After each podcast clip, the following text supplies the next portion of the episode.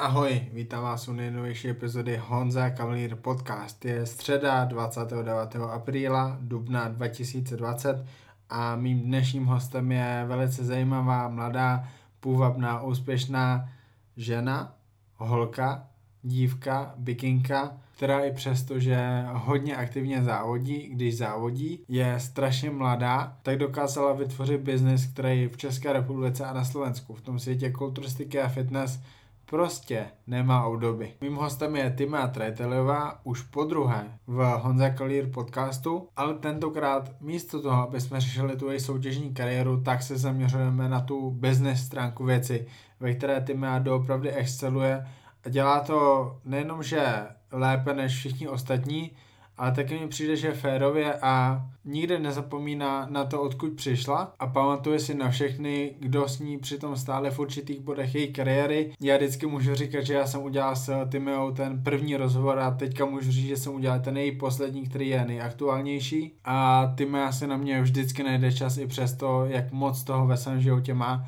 hlavně teďka, v době karantény, kdy rozjela svoji značku oblečení a různých doplňků do posilovny, řekněme, značku Time a okolo toho se samozřejmě točí ten dnešní podcast.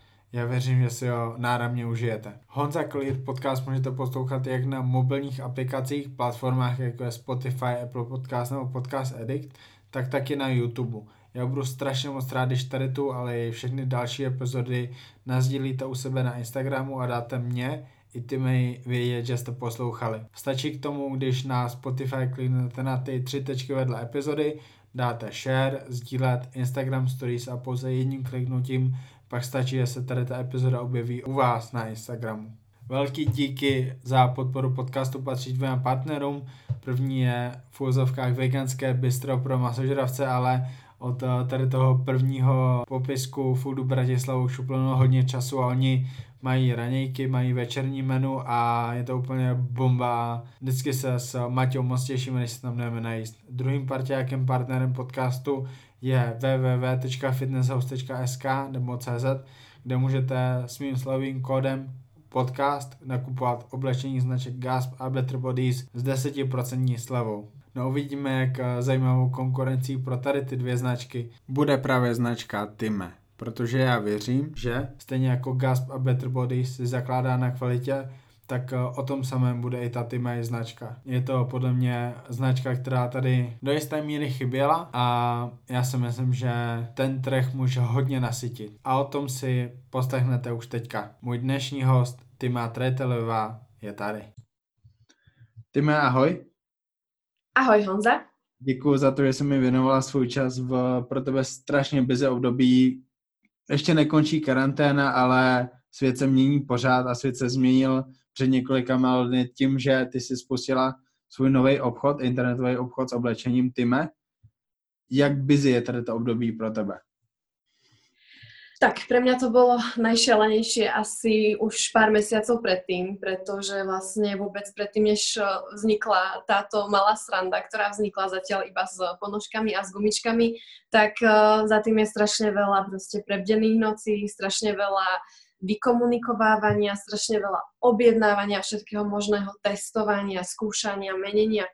Takže vlastne za tým je fakt uh, veľký príbeh a ja som vôbec rada, že vlastne ten e-shop sa spustil zatiaľ iba takto provizorne, by som to nazvala s dvoma v podstate produktami v rôznych farebných prevedeniach teda, pretože neviem si predstaviť, čo by bolo, keby že to pustíme vonku s oblečením a museli by sme riešiť všetky objednávky, vlastne všetko naraz.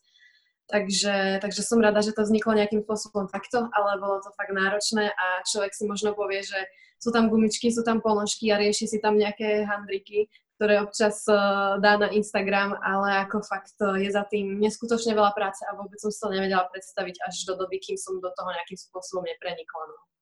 Těším se, až se o tady tomu popovídáme, protože mě zajímá to zákulisí toho, co bylo a toho, co bude. Ale zeptám se nejdřív trošku netradičně. Říká ti něco jméno Jay Cutler? Jay Cutler mi niečo uh, říká, no. To je vlastně nějaký fyzik nebo kulturista, alebo čo to je? Jay Cutler, Jay Cutler teďka vypadá jako fyzik se širokým ramenem, ale čtyřikrát vyhrál Olympii. Aha. A je to takový, že businessman v kulturistice. On vlastně dokázal věci, které nedokázaly jiné věci. On byl sponzorovaný Muscular Development i Flex Online jakoby zároveň, což se nestávalo nikdy. A dokázal vytvořit úžasný biznis a teďka, když vlastně po konci kariéry, tak má, má doplňky stroje, má oblečení, má, má prostě reality a tak dále a je prostě za vodou, víš? A mm. to plno kulturistů během té kariéry prostě nedokáže. Když s tím chtějí začít po té kariéře, tak už je pozdě, už prostě nemají tu pozornost. A zdá se, že v Česku a na Slovensku je jedna mladá holka, který se daří něco podobného.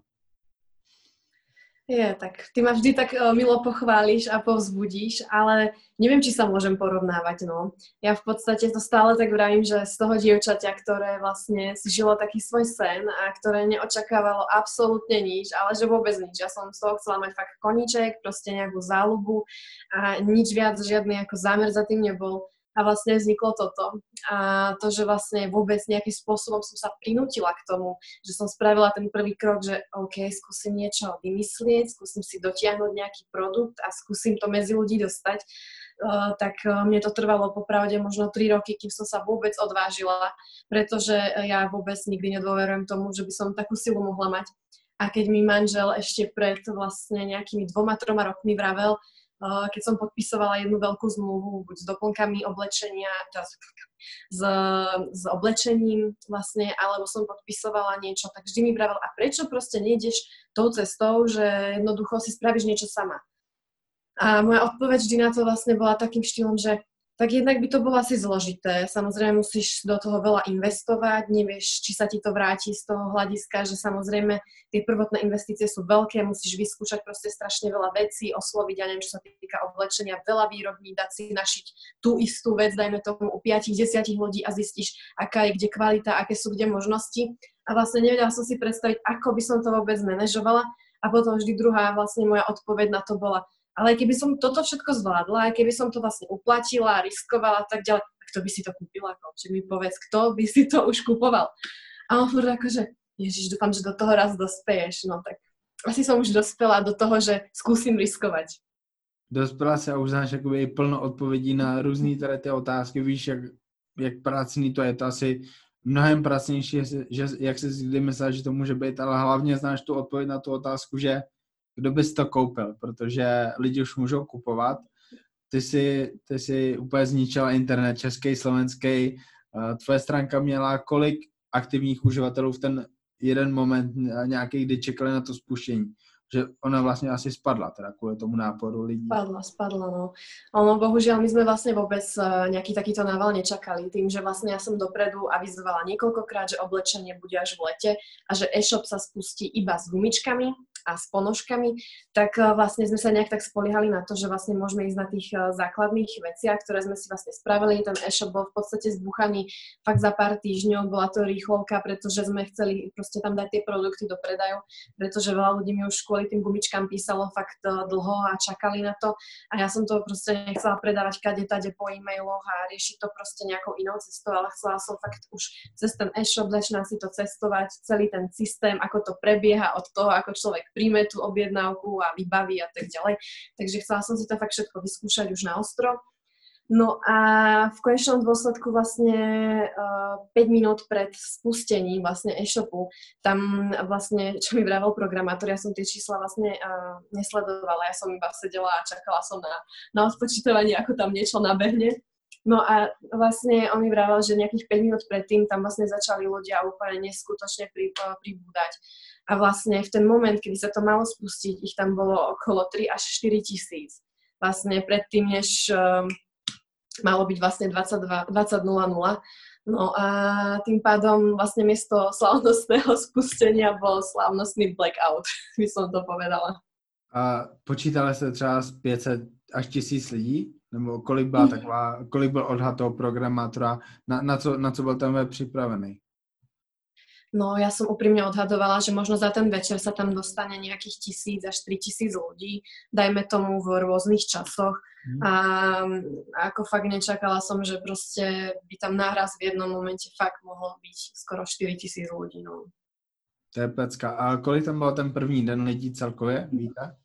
Uh, bolo tam cez 15 tisíc vlastne ľudí ten prvý uh, večer. Uh, Můžeš se podělit, kolik lidí nakonec dokázalo udělat objednávku, na kterou asi museli čekat hodiny, než se povedla? Ja sa chcem strašne všetkým ešte raz odspravedlniť za to, pretože viem, že niektorí ľudia pri tom strávili 2 až 3 hodiny a viem, že niektorí mi písali na Instagrame, že to tam zúrivo obnovujú, klikajú, že si to pridávajú do toho košíka. Teraz si vypísali všetko, vieš, vypísali si všetky tie údaje aj k platbe, dali si, že platba a vy, vyhodilo ich. Takže viem, že fakt niekto si robil objednávku na 3, 5, 10 krát, čo je fakt strašné. A ja keď si predstavím, že by som to mala robiť ja, tak asi by som to vzdala možno po prvom, druhom neúspešnom pokuse. Takže to fakt musí byť ten človek srdcia, že vlastne ostal a urobil si túto objednávku. Možno niekomu to šlo bez problémov, ťažko povedať, ale myslím si, že väčšina z nich fakt mala problém, že tá stránka bola pomalá, nešlo to. No a v konečnom dôsledku tam vzniklo nejakých 250 eh, objednávok a prvé začali prichádzať až niekedy 20-15. Takže, takže to bola prvá, potom boli fakt dlhé, dlhé pauzy a potom od tej deviatej to začalo fakt už akože naskakovať. No. Objednával lidi třeba i ve 3, ve 4 ráno? Ví, víš to? Áno. Áno, viem to, pretože vlastne my pracujeme každú noc na webe a vlastne e, snažíme sa ho optimalizovať a všetky vlastne chyby vychytať, všetko to proste vyladiť. Takže vlastne programátor vždy pracuje v noci, pretože vtedy je tam najmenej ľudí, ale je to vždy tak, že, že tam niekto je. Takže vlastne posledná objednávka prichádza okolo tej druhej, tretej ráno vždy vlastne každý večer mm-hmm. a prvé prichádzajú od tej 7 ráno. Takže vlastne jediné takéto hluché obdobie je medzi 3 až 6. Mm-hmm. Kokos, akože teším sa, protože to je úspěch. 250 objednávek za fa- sakra zlý situace s webem za vlastně 3 až 4 hodiny večer, to je, to je úžasný číslo a věřím, že pro tebe to musí být strašně příjemný, možná jakoby jedna z nejhezčích věcí, jaký jsi zažila v tom světě fitness. To určite, tak je to vlastne taká, taká pekná odozva, vie, že eh, aj keď som videla vlastne obsahy tých objednávok, tak samozrejme niekto si kúpil gumičky a automaticky si k tomu prihazovali tie ponožky. A vlastne na to, že máme iba tieto dva produkty, tak fakt um, to číslo je pre mňa naozaj zaujímavé, čo sa týka tých objednávok, pretože povedzme si na rovinu nefungovalo to, jednoducho sú tam dva produkty, veľa ľudí čaká, až si urobí objednávku až s oblečením, pretože viem, že fakt na to šetria už od niekedy od februára, teda od února. Takže, takže na, za mňa je to úplne snové a vlastne ja som to vôbec nechápala. A my keď sme čakali na to odpočítavanie, a, a vlastne my sme sa tak nejak s tým Peťom bavili o tom, že Ježiš si predstav, že proste teraz by tam bolo nejak viac ľudí, alebo predstav si, že, že, že myslíš si, že ja neviem, tie ponožky si niekto kúpi. A tak ako vedela som, že gumičky áno, na tie čakali, ja si myslíš, že tie ponožky si niekto kúpi. A potom keď som vlastne videla, že fakt niekto úplne si kúpil iba ponožky, vieš, že si kúpil jeden pár ponožiek, napríklad nejaké dievčatá alebo nejakých chalaní som videla pre baby, uh, tak uh, ja som úplne tak čumela, vieš, že vlastne to musí byť fakt ako, jednak samozrejme asi sa tie ponožky páčia, pretože sú také trošku tematické, ale skôr si myslím, že je to z toho hľadiska, že ten človek chce proste podporiť a chce mať tú vec doma. Takže, takže fakt to, to je neskutočné, to sa nedá opísať. Um, paráda, fakt se těším. Těším se na ty ponožky, protože já objednával pro mě i pro Maťu, takže paráda. Um, balíte všechno doma, anebo už prostě řešíš někoho, kdo bude balit pro vás, protože toho asi bude hodně? Uh, bude to určite asi veľa, keď vlastne k tomu pribudne to oblečenie. To bude fakt masaker, si myslím ale zatiaľ, zatiaľ si to chcem robiť sama. Priznám sa, že vlastne jednak je to pre mňa celkové zoznamenie sa s tým systémom. Ja jednoducho, pre mňa to nie je biznis. Ja vlastne celé, keď to vznikalo, tak vôbec to nemalo byť takto veľké, malo to byť o odporových gumách a o nejakých jedných legínach, jednej podprsenke, takže vlastne ani tu vôbec nemala byť zo začiatku nejaká značka. A, takže, takže na to vlastne, čo to malo byť a, a čo sa vlastne zamýšľa, tak uh, ja chcem proste byť uh, u základu vlastne všetkého, chcem vedieť, ako to funguje a chcem byť ten človek, ktorý, aj keď to je jeden deň vlastne bude možno väčšia firma, mm. tak uh, aby som vedela každú jednu vec robiť a každú jednu vec proste si zastúpiť. A mám takú zlú vlastnosť, že ja, ja, ja, všechno ja. Takže, takže jednak ma to strašne baví, tie objednávky baliť. Samozrejme, asi už keď toho bude veľa a človek to bude robiť proste mesiac, dva, tri v kuse, tak asi, asi proste to už taká zábava nebude, aká je to zo začiatku. Ale, ale zatiaľ si to robím sama, mám to zatiaľ všetko doma, mám vlastne prenajatý taký skladík, kde si to vlastne uskladňujem, vždy si to vlastne prinesiem potom domov, doma si to skompletujem, si natlačím štitočky, pekne si to tu nalepím, zabalím a odosielam. Zmínila si asi před pěti minutama uh, slovní spojení malá sranda. Mm. Možná ještě chvilku, no, ale za rok si povíme, jak veliký to je, kolik nových skladů se musela bukovat, protože už prostě nestačily. Na to se těším, protože to je vždycky jakoby ta story, že když to je fakt dobrý a bude to růst, tak to bude růst asi hodně rychle a ty zjistíš, že fú, já musím kupovat větší sklad, než jaký jsem kdy myslel, že budu potřebovat a pak budeš potřebovat uh, místa, kde budou nějaký kreativní meetingy, možná s dalšíma lidma, protože tak to většinou dopadá. Je hrozně složitý, aby to mohlo být, že ty budeš pořád všemu šéfovat, protože občas to možná budeš muset řešit věci jako kokos, jak budeme posílat do Anglie, protože ty nejsi expert na poštovní, to nemůžeš být, pokud chceš být expert na látky. Ale já jsem si to všetko obehala na začátku, takže já jsem si to všetko dohodla a posíláme do Anglie. Možná, to je super. Takže, Víš, takže ako, pozor na to, ja si myslím, že proste fakt správny človek, ktorý je srdciar, nechce to iba za účelom biznisu, si naozaj vyskúša každú jednu tú vec, ktorú vlastne tá jeho firma robí. Či už, ja neviem, je to od eh, hlúpeho balenia, alebo je to navrhovanie, odosielanie. Podľa mňa fakt človek, ktorý to myslí vážne, proste musí prejsť celým tým procesom vlastne od toho, ako vzniká ten produkt, až keď vlastne ho posielaš tomu zákazníkovi. Aspoň tak by to podľa mňa malo byť. Je mi to jasný a těším se na to, až přijdou právě ty věci, které ještě neumíš a určitě přijdou, protože prostě musí přijít. No, to je jasné. Ale i tak věřím, že zůstaneš v pozici, kdy budeš prostě mít přehled o všem, protože to je hrozně důležitý, protože je plno značek, který, na který se vzpomínám, že je, ty byly super, ale už nejsou. Protože mm. tam dostali úplně jiný lidi a, a ty původní myšlenky šly úplně pryč a vzniklo z toho prostě business, ať už to, ať už to slovíčko znamená cokoliv. A to je jakoby ta moje další otázka, protože ty jsi byla u několika značek s oblečením a byla si jejich tváří a prostě do dneška si a budeš. Ale teď máš tu svoji značku a zajímá mě, co se naučila z těch spoluprací, že co dělali ty značky špatně a nebudeme jmenovat, aby to nedělala špatně ty, aby ty jsi to dělala líp, aby ty jsi to dělala možná férově vůči těm zákazníkům. Hmm. Tak určite mm, som sa naučila strašne veľa vecí, za ktoré som neskutočne vďačná. Pre mňa, ako, ako to stále vrajím, už som to aj zmiňovala, že jednoducho je to pre mňa obrovská príležitosť na základe toho, že vlastne z toho dievčaťa, ktoré ktoré proste doma robilo vo zvolenie nechty a študovalo strednú školu, vlastne sa vypracovalo v dievča, ktoré jednoducho bola tvárou nejakej firmy to je jedno ktoré, jedno za akých podmienok to bolo, či to bolo za začiatku, za podmienok bartru, alebo neskôr za podmienok, kedy už naozaj sme sa bavili o zaujímavých kontraktoch a vysokých sumách. Tak uh, pre mňa každá jedna tá vec bola v tom momente to najlepšie vlastne rozhodnutie v živote a, a prinieslo to neskutočne veľa skúseností.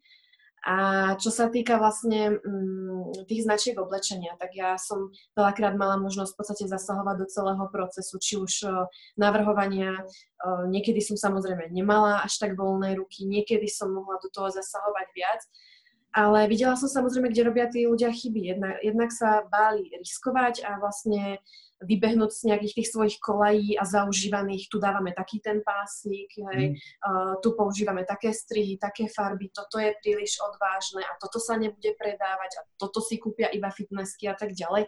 Takže určite tá taká kreativita mi tam občas chýbala, taká tá mladá, ale nie len tá v rámci, v rámci toho, čo ide dobre a držme sa toho, pretože toto dobre ide. Mm, ďalej samozrejme mi tam chýbala už potom časom aj nejaká kvalita, nejaké možnosti, nové technológie spracovania tých vecí.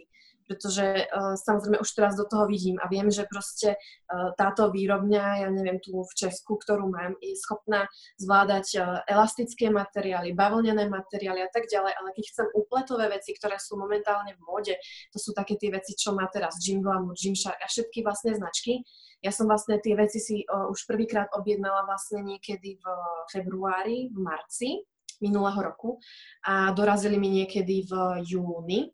A od tej doby som vlastne začala tie veci si testovať. Boli to vzorky vyrobené pre mňa, bez brandu, bez ničoho.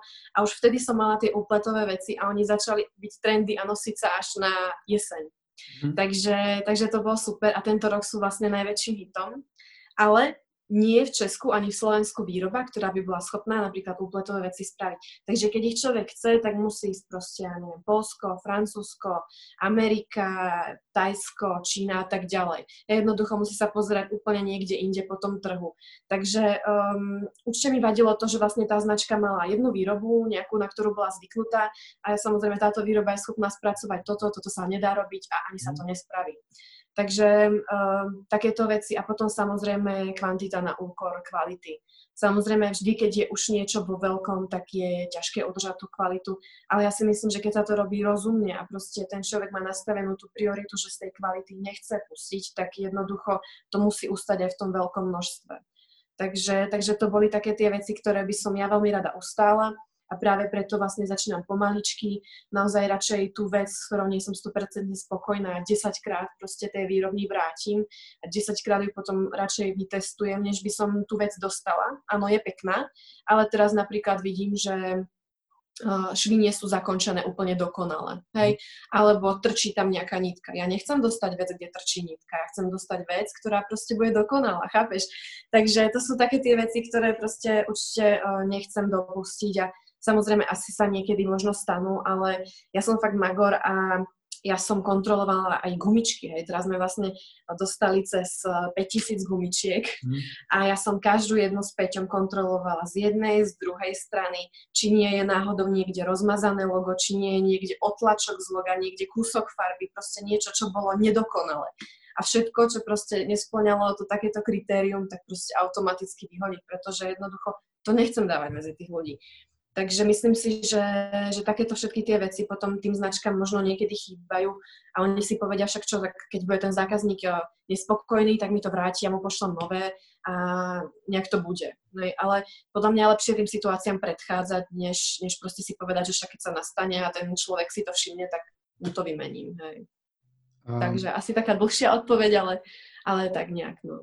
Dobře, a kde ses naučila to, že můžeš takhle odpovědět, že víš, že potřebuješ zajít tam, jak si dokázala najít to místo, nebo kde se dozvěděla to, že musím kontrolovat tady to, tady to, tady to a zajistit, že to bude takhle, protože víš, když já to zkusím udělat, já, já nevím.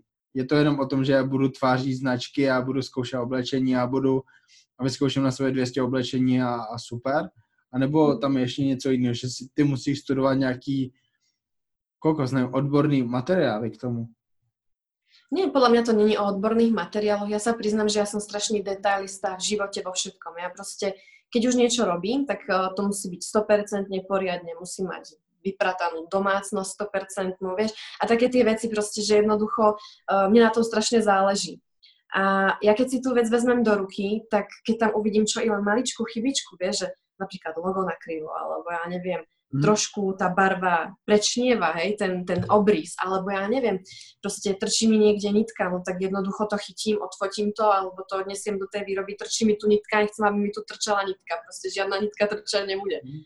Takže aj s týmto som mala problém, že vlastne každá tá výroba mi furt vravela, že uh, že vždy nejaké chyby budú. Oni to proste kontrolujú, potom samozrejme to kompletujú, keď ti to odosielajú, ale jednoducho oni nemôžu každú tú vec prevrácať správa zľava a, a kontrolovať, že jednoducho dá sa to riešiť potom reklamáciou a tak ďalej. No, že ja som sa s tým zase neuspokojila a proste hľadala som takú výrobu, že som vravela, ale ja to proste nebudem takto riešiť, že jednoducho ja chcem od vás 100% službu, za ktorú si proste radšej, ja neviem, o 50% priplatím, o 100% priplatím, ale chcem proste kvalitnejšie látky, chcem jednoducho kvalitné švy, pretože veľa z tých látok, alebo veľa tých firiem šije vlastne tie švy z tých klasických nití. A teraz vlastne máš elastický materiál, do toho máš neelastickú niť, natiahneš to a praskne ti to. Mm. Hej, takže som začala, že teraz chcem elastické nite, tak tí chudáci začali nakupovať elastické nite, museli sa s nimi naučiť. Potom som vravila, že chcem nejakú technológiu, aby to lepšie zakončovali, aby tam neostali, keď oni to síce uh, ušijú a teraz ti to tam zastrihnú, tak aby tam neostala kúsok vlastne mm. tej, tej nitky.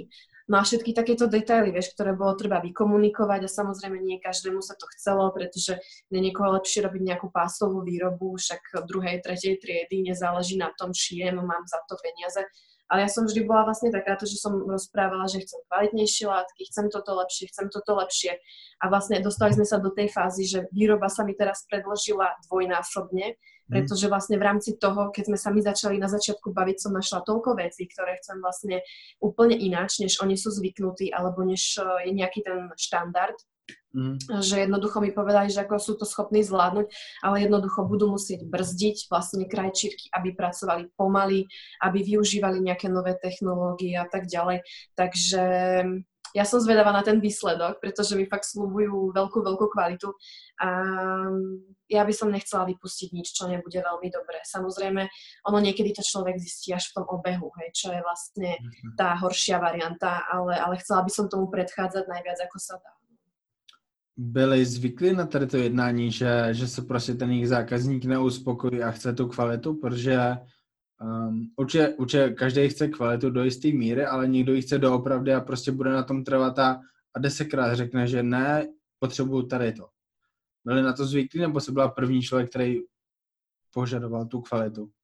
No väčšinou sa všetci stiažujú, že, že nejak tak sú všetci spokojní a že, že všetko je v poriadku. A že ja hľadám niekde chyby a, a detaily, ktoré proste ako sú niekedy zbytočné. A zastojím si za tým, že jednoducho mm, ja chcem niečo predávať, mám nejakú víziu a nemám dôvod proste robiť niečo polovične, keď jednoducho stačí si trošku priplatiť a, a môže mať niečo lepšie. Radšej uh, si priplatím, radšej o trošinku navýšim tú cenu potom tým klientom, ale s tým vedomím, že naozaj som urobila všetko preto, aby to bolo dobré.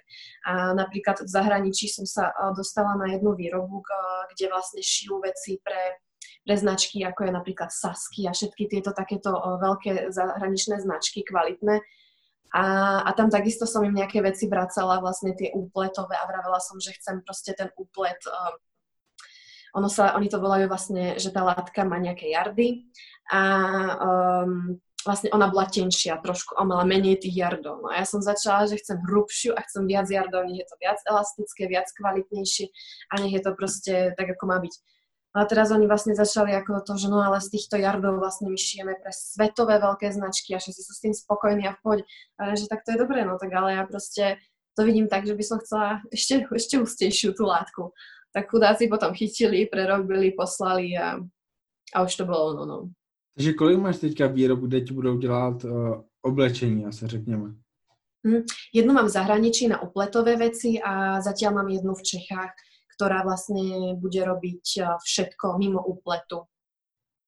Môže byť. Ktorý vlastne som nezohnala, bohužiaľ, na Slovensku ani v Čechách. Inak samozrejme by som sa strašne rada držala vlastne uh, v rámci uh, tej značky uh, tých lokálnych vlastne výrobní, že by som chcela podporiť slovenskú výrobu, českú výrobu, našu ekonomiku a myslím si, že, že my máme veľmi kvalitné vlastne aj technológie, máme skvelých ľudí, ktorí to šijú a bohužiaľ niekedy proste sa toto remeslo vytráca len kvôli tomu, že všetky tie firmy idú do zahraničia na úkor vlastne tej ceny a kvality a, a vlastne ľudia tu buď nemajú prácu alebo sú tlačení vlastne tým svojim zárobkom už tak malým, ešte nižšie, že jednoducho už sa to neoplatí robiť. No.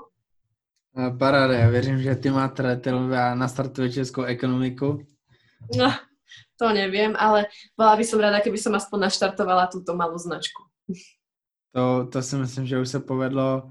Jaká je vize do budoucnosti? A to, je, to je samozřejmě strašně, to je otázka, na kterou můžeš odpovědět různě, že prostě chci, chci růst, chci dělat tady ty věci, chci, aby lidi se stali někým, no, aby ty lidi, kteří kupují, se stali uh, věrnýma zákazníkama, ale jakoby zase, uh, co si zažila u těch jiných značek a nechceš to zažít teďka.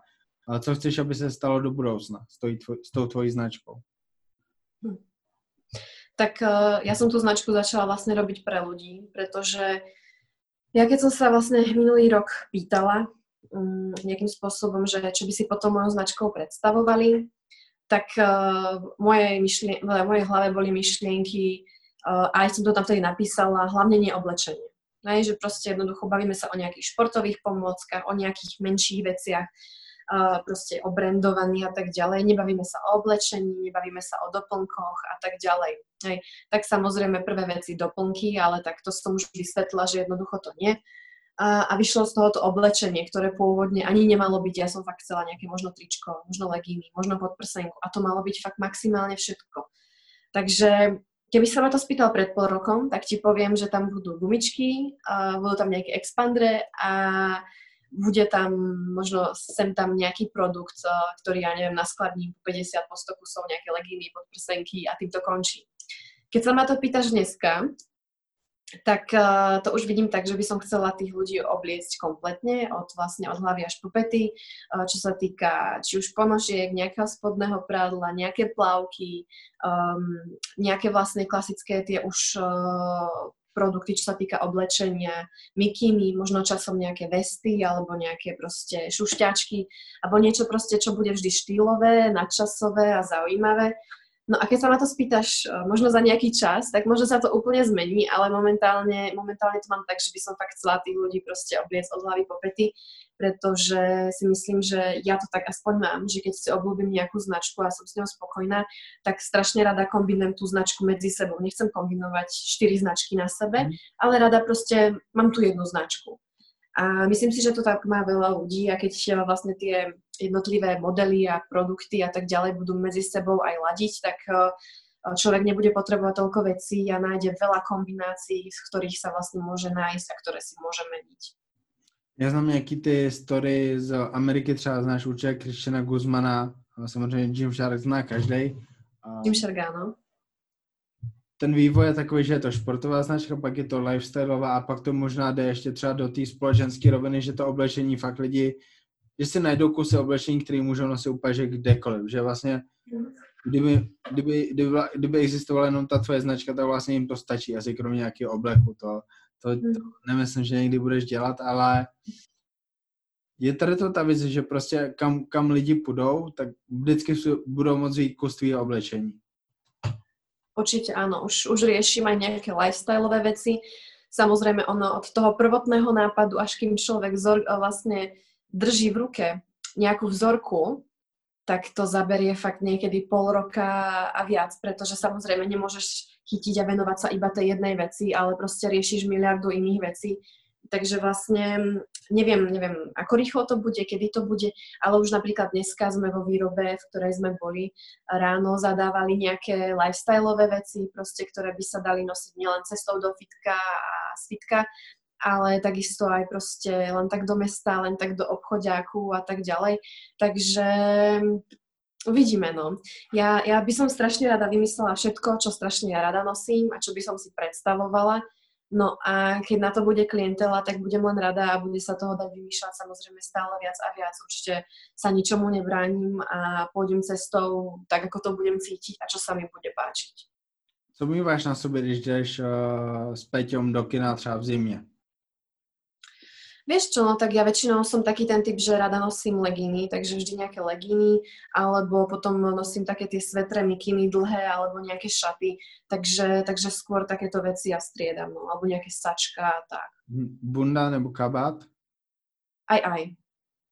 Je oboje reálne pro tu tvoji značku během dalšího roku? Myslíš bundu a kabát? Bunda nebo kabát pro značku Tyme? Bunda je reálna, kabát, kabát určite asi takto skoro výhľadovo nevidím mm. a nie som si istá, že či vôbec niekedy, ale, ale nejaká bunda, ako som vravila, alebo nejaká vestička, šušťačka, tak to je veľmi reálne a to by sa dalo teoreticky realizovať v vodzovkách aj hneď, ale samozrejme najprv potrebujem ísť od nejakého základu a ďalej. Mm. Jak by si teďka charakterizovala tým lidí, kteří se podílí na tady ty značce? Si to ty, Peťo a programátor, nebo jsou tam ještě další lidi? Hmm. Vlastne do marca tohto roka som to bola iba ja. V marci sa k tomu pripojil programátor a pred dvoma týždňami som sa doma skoro zosypala už z toho, vravela som už, ja už nemám nervy na tých ľudí, proste 2-3 mesiace s niekým niečo komunikuješ, uh, slúbujú ti hory doly, všetko dokážeme, nič není problém a keď potom príde na to, že majú odviesť tú svoju prácu, dotiahnuť nejaký svoj produkt alebo veci, tak zrazu to je problém, to je problém, alebo uh, zadáš vo výrobe. Mala som jednu slovenskú výrobu, s ktorou som chcela strašne spolupracovať. Mladý, šikovný chalán. Vyzeralo to, že sa bude snažiť, tak si tak super, podporím to. Tak naťahoval ma asi mesiac alebo dva, zaplatila som za vzorky fakt ako veľké peniaze. Od začiatku mu vravím, že potrebujem to najkvalitnejšie, čo sa materiálov týka, že uh, nite musia byť elastické a tak ďalej nič není problém, samozrejme, ok, vrem, že, že keď to bude v poriadku, tak objednávame proste 200-500 kusov hneď eh, na prvú šupu a potom samozrejme väčšie objednávky. Tak on Ježiš Maria, no tak to budeme šiť asi iba pre vás. Tak si no tak sa bude snažiť, že bude mať prácu, vie, že má do budúcna ako mhm. keby fakt víziu veľkú, že sa mhm. môže na tom podielať a tak.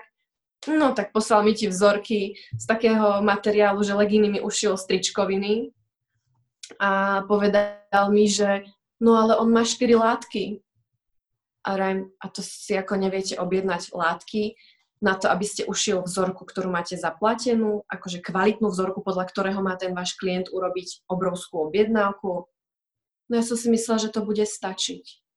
Od začiatku sa bavíme o kvalitnom elastickom materiále a vy chytíte nejaké tričko a z toho mi spravíte legíny, ktoré vyzerajú, ako by som ich 4 krát vyprala a proste všetky takéto veci, vieš, a už som v tom tak strašne dlho, že už eh, som nešťastná z toho, keď vlastne na niekoho takéhoto natrafím, kto proste sa tvári, že všetko samozrejme ide, nič není problém a potom zistí, že je problém úplne v základe a musíš hľadať úplne iného človeka. To je úplne najhoršie. No.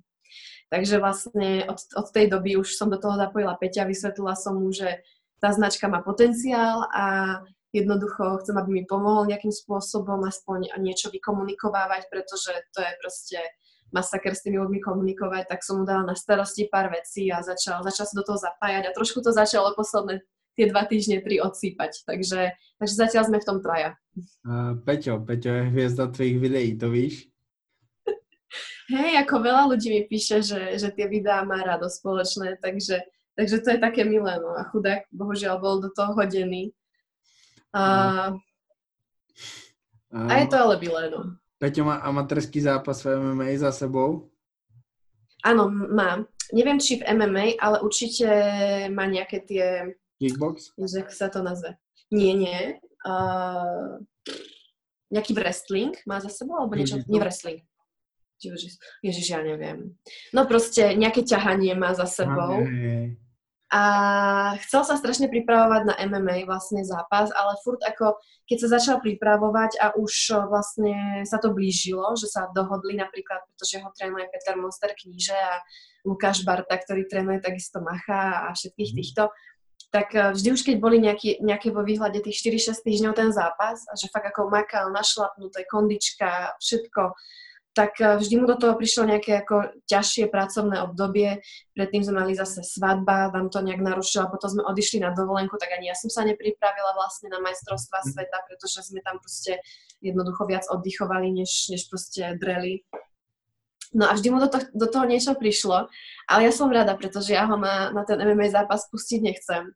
A ja furt, furt mu to vravím, aj keď, nie že by som ho podceňovala, ale jednoducho to je taký ten put, že ja si neviem predstaviť, že by som sledovala, uh, ako je tam na pospas v tej kleci. I keď proste mu to fakt celkom ide a myslím si, že amatérsky zápas by možno nebol problém vyhrať, ale jednoducho by som to nedala. Ja som povedala, že ak tam pôjde a prehrá, tak druhýkrát dostane odo mňa doma, takže... Takže uvidíme, no. A bavila si někdy s Monikou o tom, jak ona zvládá ty zápasy Macha? Bavila, ale ona to tak jednoducho berie, že už, už ho tak spoznala.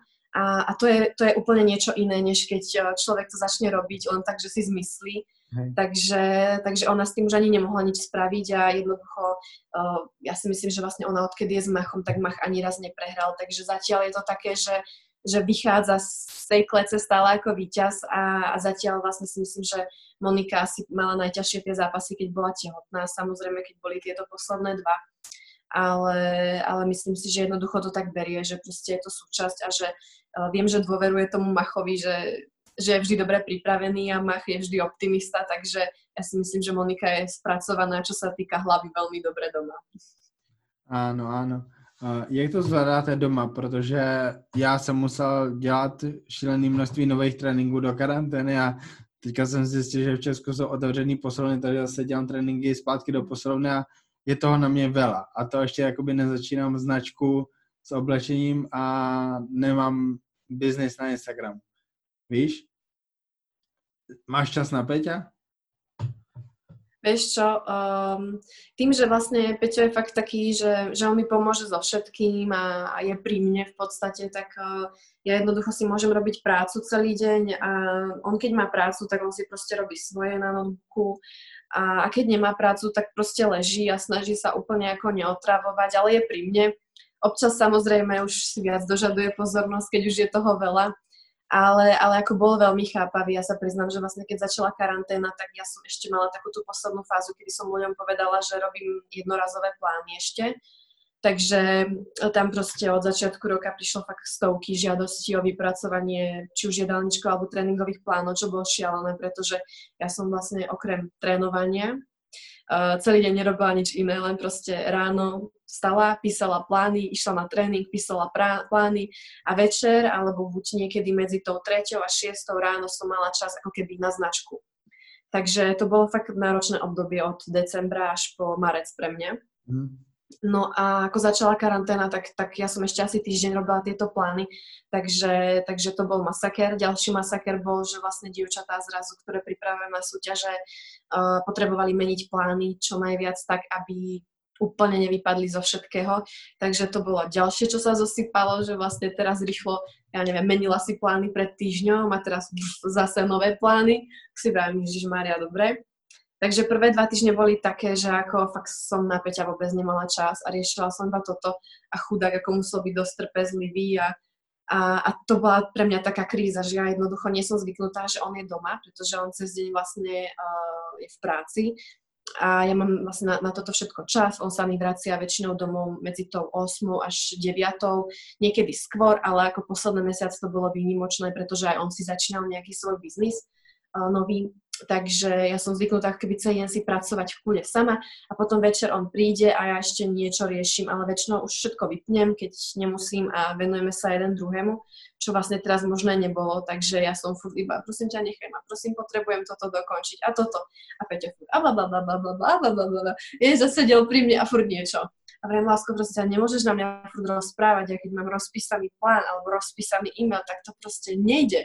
A on, Ježiš, prepáč, OK. A za dve minúty, a láska, toto ma napadlo. A, a vieš, že úplne chudák. Tak si vravím, že prepáč a vydrž. Ale vydržali sme to a už potom vlastne, keď som zrušila všetky tie plány a dokončila, tak som sa začala venovať potom uh, už len značke a to bolo ďaleko príjemnejšie. Už plánujete dovolenku na letos, nebo si myslíte, že kvôli tomu koronaviru nic nebude?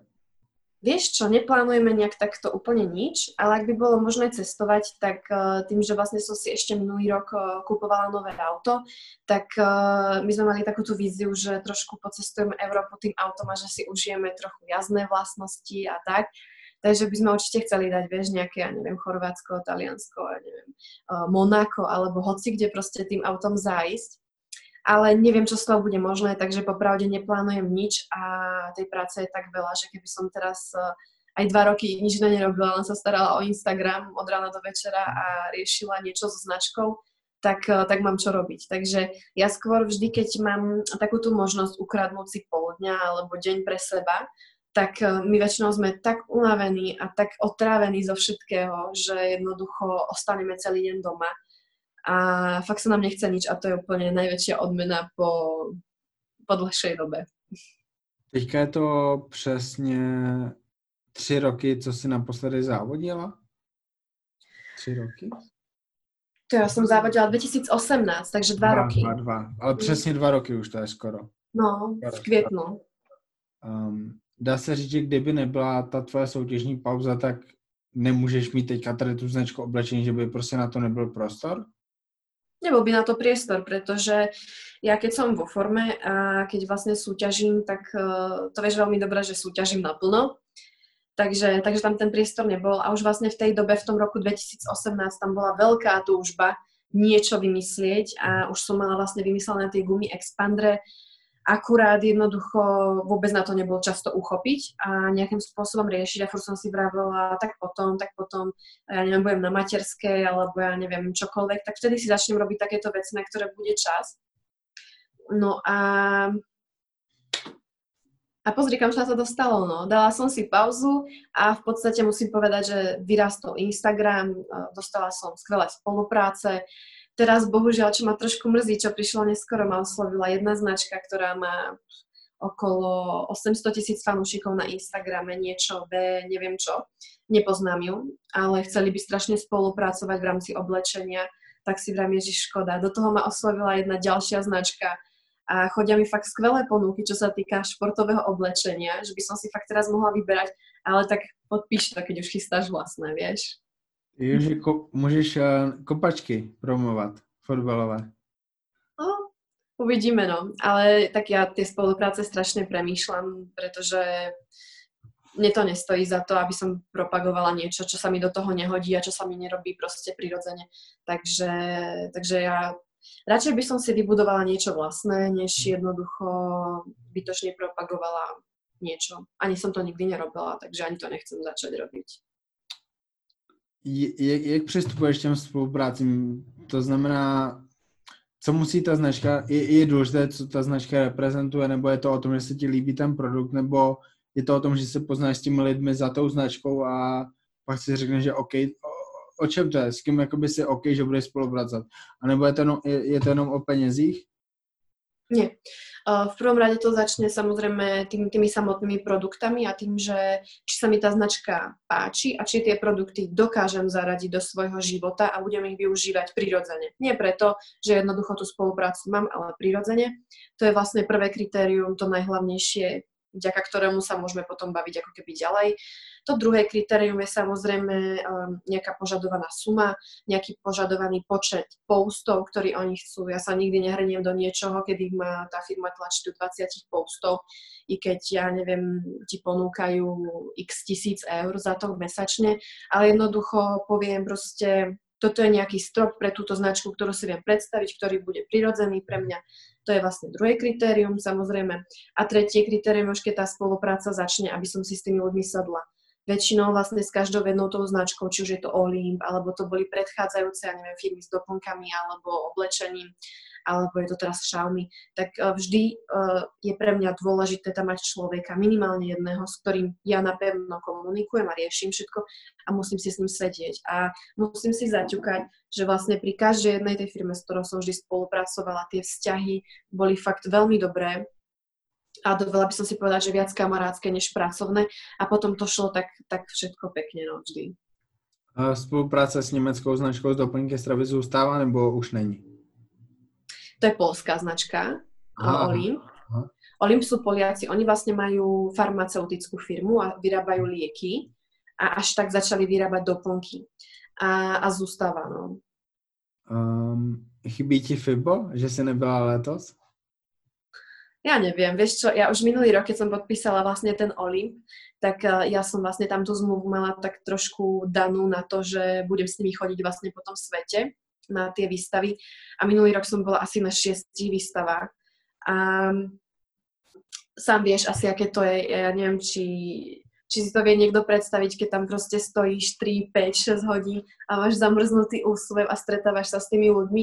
Samozrejme niečo iné je, keď si doma, napríklad keď boli na Bersvali alebo Evels Prague a stretávaš sa s ľuďmi, ktorí o tebe veľa vedia, ktorí fakt za tebou prídu ako priatelia, i aj pokecať, aj sa odfotiť, aj všetko. Je to proste úplne niečo iné, než keď si v zahraničí a si tam vyslovene takže ja neviem, 20% ľudí ťa pozná a z toho 80% ľudí proste za tebou iba chodí ťa otravovať a, a je to také, také iné trošku, vieš, že nie je to osobné. Takže, takže neviem, či mi je ľúto, že FIBO nie je, pretože zase vďaka tomu mám viac času pre seba. Ale, ale samozrejme, tie výstavy sú fajn, pretože ono človeka jednak strašne fyzicky vyšťavia, mhm. ale psychicky ťa neskutočne nabijú. Takže je to také, no, že Teraz ako mi to nechýba, vďaka tomu, že minulý rok toho bolo veľa, ale verím, že keby, keby sa proste to nespustilo do roka, tak, tak asi by mi to bolo ľúto, že, že proste tá éra tých výstav a všetkého toho to proste nie je, alebo ju nestíham už. Kde jsi byla po světě na výstavách? Mě napadá, jestli byla v Dubaji, byla si v Číně, byla si na tom FIBu v Německu, boli v Anglii? Áno, Anglia, Arnold. potom Uh, Arnold, samozrejme Španielsko, bola som... Uh, Taliansko? Uh, kde? Taliansko? Taliansko som bola. Uh-huh. Kde, byli, Uh, kde byli nejlepší fanoušci? najlepší? Hm. Mne sa proste páčilo na Bersvali Česko. Môže byť. Pretože je to osobné. Tam som bola jednak s firmou, s ktorou som spolupracovala predtým, potom raz som tam bola sama za seba, že na Bersvali si ma proste jednoducho objednalo. Takže, takže to bolo pre mňa úplne najviac. Pokud, Ale je to tým, že proste tí domáci fanúšikovia sú tam. pokud bude letos Evlas, bude tam mít, uh, ty má značku svoji? Krása, to neviem. tak to ešte neuvažujem. Priznám sa, že už som dostala nejaké oslovenie od um, uh, slovenských organizátorov, ale v tej dobe som to nestihala, takže som vravela, že skôr nie, než áno, ale už, už to chceli. Ale určite by som niečo také niekedy rada absolvovala, ale uh, chce to trošku viac mať veci na sklade, chce to proste mať už tú značku trošku posunutú ďalej, takže neviem, ako rýchlo to posunieme, ako dobre sa nám bude dariť naskladňovať veci, pretože je jedna vec uh, vyrobiť pár stovák kusov, ale možno sa predajú hneď a ty budeš mať sklady prázdne. Takže kadejaký marketing, spolupráce a takéto všetky veci vyžadujú nejaké skladové zásoby, ktoré bohužiaľ neviem, či budeme mať, pretože momentálne je to tak, že ledva stíhame vyrábať to, čo v podstate chceme predávať napriamo, iba cez môj Instagram. Jasně, a plán, plánuješ nějaké, že limited edition? Prostě, že uděláš to kusu a už nikdy? Áno.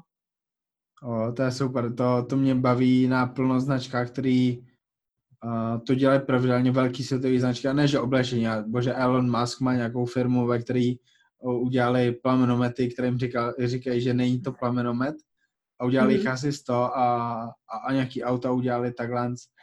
A to se mi líbí, to je prostě hrozně cool a myslím si, že ti věrní fanoušci si vždycky nakoupí a prostě mají, mají z toho triček, který nemá nikdo jiný Mm.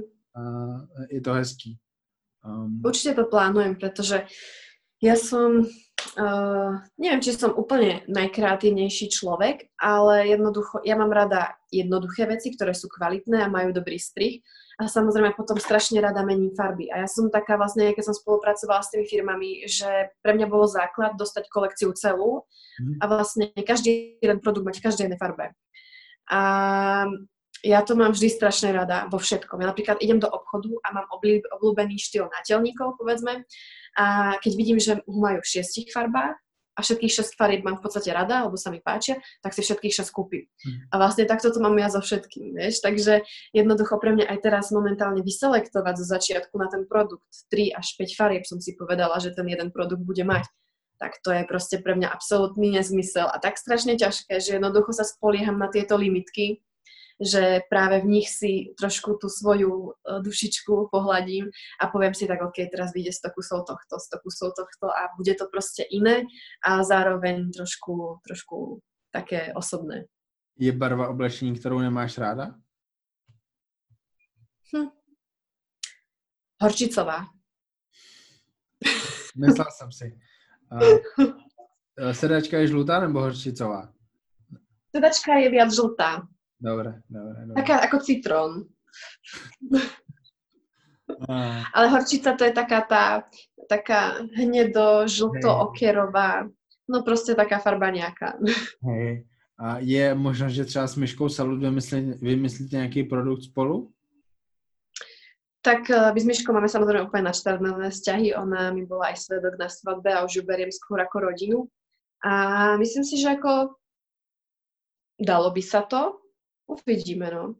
Mhm. Uh, ja som samozrejme začala robiť teraz uh, plavky, čo ešte nikto nevie. Takže v podcaste to možno zaznie poprvýkrát. Neviem, či som to spomenula v podcaste u dievčat vlastne z Bikini Fitness, ale ten ešte nevyšiel, takže, takže to ešte nezaznelo. Takže, takže letné plavky a Miška ich už nechcela robiť, tak si vravím, tak eh, ja som dlho to brzdila, už som letné plavky mala v hlave asi tiež dva roky. Vravím si, že to bolo také blbé kvôli Miške, že sa kafra do biznisu. Hm? No a potom sme sa tak nejak o tom bavili a Miška mi vraví, ja, nechcem robiť letné plavky, to je obser, mňa to nebaví, ja budem robiť bikiny, to proste je moja srdcovka. Tak si vravím, tak dobre, tak idem na bikiny, nebude sa hnevať. Tak som to začala nejak riešiť začiatkom roka. No a teraz práve ako nemá bikiny, tak vraví, no tak budem šiť aspoň letné plavky. Mm-hmm. No a máme tie vzťahy tak nadštandardné, že ešte ona sa bála ma spýtať, že či vôbec jej spravím reklamu, alebo či jej tie bikiny nafotím, keď si chystám vlastné. Ja Ježiš Miška, pre Boha, to sa tu snad nebudeme hrať na to, že mám ja, máš ty a sme proti sebe. Takže ako určite pošli, ja ti aj spravím reklamu, ti to nafotím, však môžeme mať obidve a nech si každý vyberie to, čo sa mu bude viac páčiť, pretože zase Miška, ona robí rada také kreatívnejšie veci. Ja zase sa budem sústrediť na tie pekné farby, ale iba, dajme tomu, tón v tóne a ona skôr ako kombinuje. Ne? Takže viem, ako úplne v pohode a nebránim sa tomu, no, ak, ak niečo vymyslíme, že bude čas, bude chuť, tak možno. Když jsme o toho focení, a kdy nafotíš s Lubíkem Piraným ty fotky z karantény z domova přes FaceTime? No, my sme si uh, nejak uh, o tom písali, ale od tej doby vlastne on mi vravil, že to bude nejak skúšať a uvidíme a priznám sa, že ja vlastne vôbec ani teraz nejak na to nemám čas. Ale ako s, s ľubom by som určite rada niečo nafotila, ale skôr ako normálne reálne fotky. Vieš, také lifestyleové a tak. Pretože ako keby som sa nudila doma, teraz takto v karanténe, ako veľa ľudí, že, že proste práve, že sa s tým zabavia, tak asi hneď ale ja sa priznám, že fakt od rána lepím balíčky a balím to tam a ešte teraz sa chystať a malovať a proste upravovať na nejaké fotenie, tak uh, to úplne ako sa mi nechce, aj keď som mala teraz nejaké ponuky na fotenie, tak som to všetko nejakým spôsobom skrečovala, vravela som, ozvite sa mi po lete alebo v lete a uvidíme, čo ďalej. Dobre, dúfam, že zrealizujete aspoň nejaké normální veľké focení. No, to určite. Mám možná tip na video na základě toho dnešního podcastu Šatník Timejtra TV. To, to by bylo super video na YouTube. No určite, ako to si už veľa ľudí pýtalo, ale priznám sa, že ani ten YouTube teraz proste nestíham robiť a fakt nestíham ani na Instagram pridávať veci, čo ma mrzí, tak uh, dúfam, že už skoro sa to obdobie ukludní a, a budem stíhať byť aktívna aspoň v časti, tak ako by som chcela, pretože toto je fakt taký útlm pre mňa, čo sa týka sociálnych sietí a sociálneho života. Ale zase tak po tej pracovnej stránke je to super a, a verím, že zase do budúcna to bude mať prínos nejaký. Kedy sa vrací dneska Peťo domu? Dneska sa Peťo domov vracia skoro, pretože to zatiahol v práci a vlastne boli sme v tej výrobne a teraz išiel na tréning, takže podľa mňa tak o tretej končí tréning a dorazí domov. OK, tak eh, já už je pustím, ať se může všechno dodělat, ať se mu věnuješ, protože mu určitě dlužíš hodně. Děkuji ti za to. Pohodě, ho chystá balenie darč, uh, darčekov, balenie ba, balíčkov, takže může přijít a může pomáhat. Áno, děkuji ti za to nahrávání a pokud by si chtěla závěrem něco vzkázat posluchačům, lidem, kteří o tebe budou kupovat oblečení, tak můžeš. A ja ďakujem veľmi pekne v prvom rade za rozhovor a prajem veľa poslucháčov, pretože viem, že určite tvoje podcasty aj rozhovory a všetko počúva strašne veľa ľudí a rado. Takže ďakujem veľmi pekne, že to robíš, pretože je to fakt zaujímavé a málo kto vyspovedá tých ľudí, tak ako ty. A čo sa týka tých ľudí, ja neviem, no ja už som všetko tak nejak povedala a ja by som iba chcela slúbiť to, že spravím maximum preto, aby jednoducho tá značka bola kvalitná, aby, aby bola nejakým spôsobom nadčasová a, a budem sa jednoducho snažiť počúvať tých zákazníkov, pretože to jednak robím pre nich. Chcela by som ich e, zapájať do toho, využívať.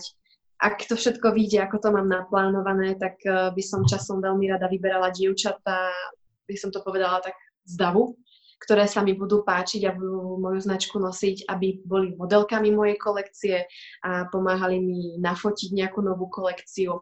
Takže radšej by som šla asi tým štýlom jednoducho robiť to pre ľudí a robiť to s tými obyčajnými ľuďmi, než, mm. než proste využívať iba nejakých influencerov a známe osobnosti, ale jednoducho proste poňať to ako naozaj veľmi osobnú, príjemnú takú tú vec, ktorú, ktorú jednoducho si vypiplávaš a, a čakáš, čo z toho vznikne.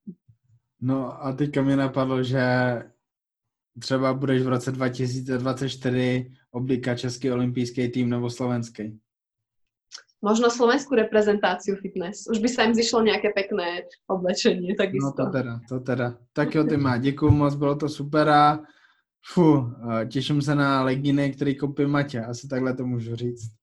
O, ďakujem. Takisto sa teším a dúfam, že budete spokojní nielen vy, ale všetci. Ďakujem. A ja.